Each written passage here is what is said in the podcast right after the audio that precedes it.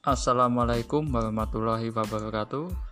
Kembali lagi di podcast Bagas Sejal Maulana. Kali ini saya akan membahas tentang aplikasi Anchor. Nah, pembahasan ini adalah itu. Disimak ya.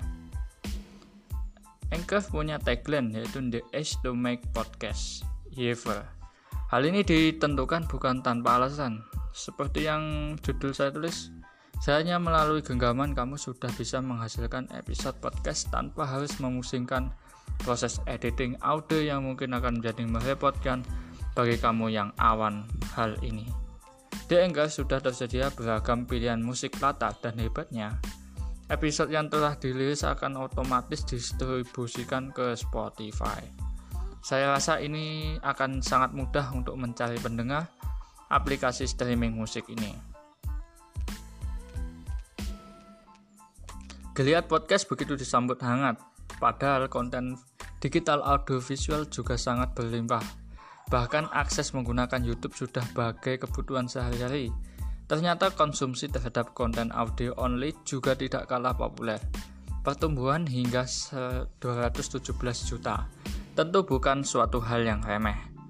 Dan sepertinya konten audiovisual yang dikuasai YouTube akan segera mendapatkan tanggihan dengan adanya tren podcast Mengutip dari podcast Night saat ini sudah ada 800.000 podcast aktif dan 30 juta episode hingga Desember 2019.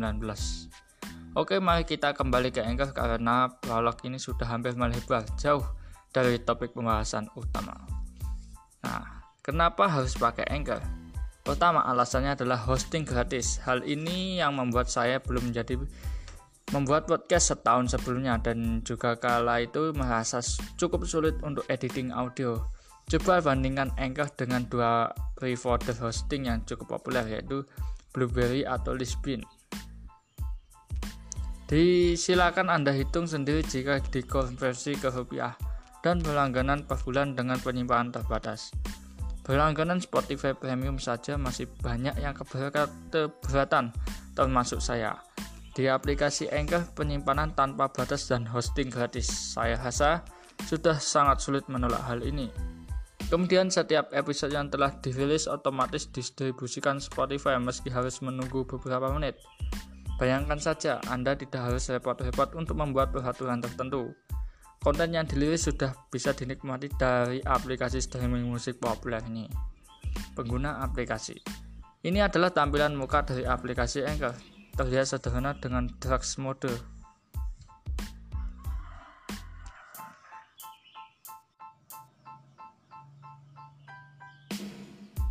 Jika ingin membuat podcast bisa langsung rekam atau juga import dari library smartphone Anda untuk menggunakan hasil rekaman. Saya mencoba awalnya dengan mix bawaan. Berikut hasil percobaan pertama dan langsung jadi episode awal. Jika menggunakan smartphone, saya sarankan untuk menotifikasikan notifikasi atau data internet. Tentu Anda tidak ingin menginginkan ketika sedang asik merekam tiba-tiba ada berisik datangnya pesan singkat atau apa gitu ya. Gangguan-gangguan. Tampilan layar ketika perekaman. Setelah dirasa cukup, maka proses selanjutnya adalah pemilihan musik latar. Silakan pilih sesuai keinginan dan topik yang Anda bahas. Saya rasa pilihan yang disajikan sudah cukup bagus digunakan, dan hebatnya musik latar tidak mendominasi suara utama. Kemudian lain yang tidak membuat pusing untuk mengatur volume suara. Proses input musik latar hanya akan berlangsung beberapa menit. Tahap selanjutnya Anda tinggal mengisi data lengkap mengenai episode yang akan dirilis. Begitu mudah bukan? Dari beberapa upaya penelusuran di internet untuk podcaster Indonesia, sepertinya harus sedikit lebih bersabar karena sejauh ini pendapatan harus bisa menggunakan stripper atau aplikasi pembayaran. Semoga dalam waktu program metonisasi ini akan juga dinikmati oleh kreator tanah air.